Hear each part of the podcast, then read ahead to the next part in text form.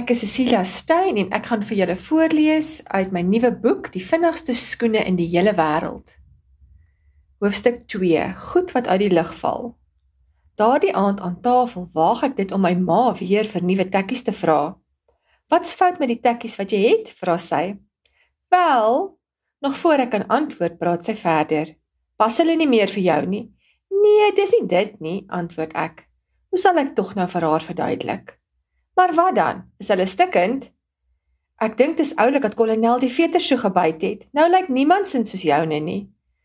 Ek sug en laat sak my kop in my hande. My ma sal tog nooit verstaan nie. Toe maar los dit net, sê ek. Ek stoot die bord met vanaand se koskonkoksie weg onder my neus. Makaroni en ansjovis. My ma hou daarvan om die snaakste bestanddele bymekaar te gooi, want niemand anders doen dit nie. Ek gaan slaap sê ek moedeloos. Maar ek kan nie aan die slaap raak nie. Al waaraan ek dink is mooi rooi tekkies en hoe ek vir 'n slag vinniger as Natalie gaan hardloop as ek net nuus kan kry. Toe die maan lig deur my kamervenster kruip, maak ek my venster oop en klouter na buite. Daar groei netjies 'n dik tak waarop ek soms sit en ketty skiet. Die straat voor ons huis is verlate. Net kolonel sit onder die boom. Hy kyk na my asof hy wens hy kan ook boom klim.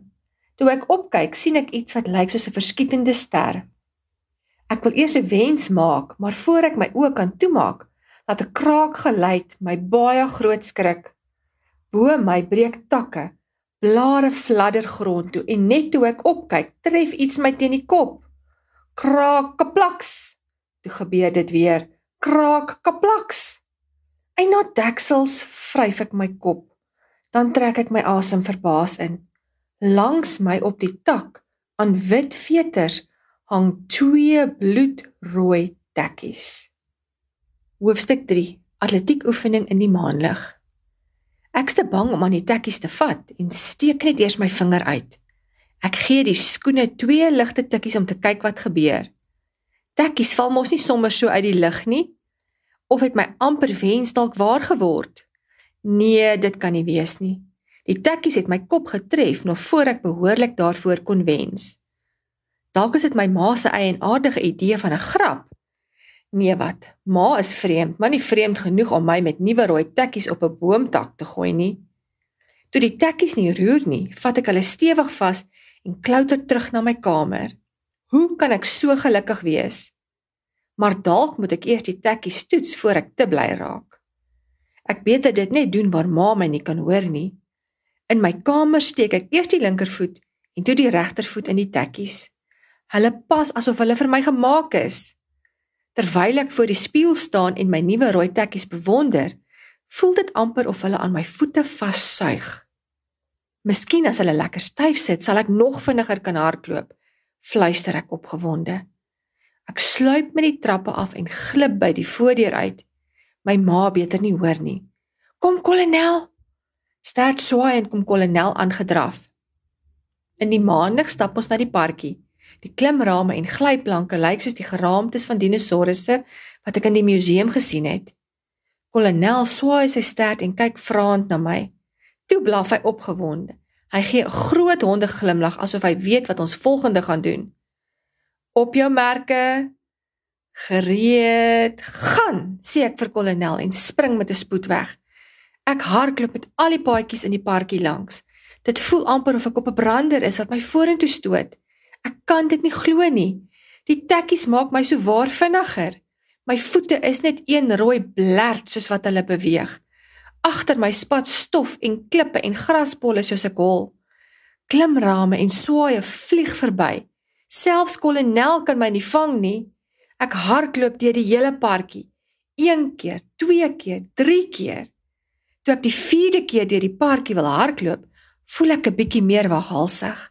Ek hardloop op teen die glyplank en skuur aan die ander kant af soos 'n branderplankryer.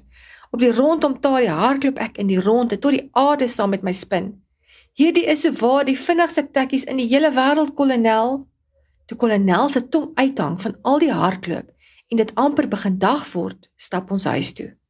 Ons sal moet opskit. My ma gaan enige oomblik opstaan en vir my ontbyt maak. Ek beter die skoene onder my bed of diep in my kas wegsteek. Wat sal my ma sê as ek skielik nuwe tekkies dra wat sy nie gekoop het nie? Sy sal sê ek mag hulle nie dra nie en dit kan nie gebeur nie. Terug in my kamer val ek uit asem op die bed. Ek kan nie wag om skool toe te gaan nie. Toe ek regop sit, sukkel ek om die tekkies uit te trek. Ek het mos nie die veter so styf vasgemaak nie, of het ek? Ek trek en trek, maar kry nie die skoene uit nie. Toe vat ek albei hande en vou hulle stewig om die sole. Eers die linkervoet, toe die regtervoet, maar nie een roer nie. Ek pluk vinnig, niks gebeur nie.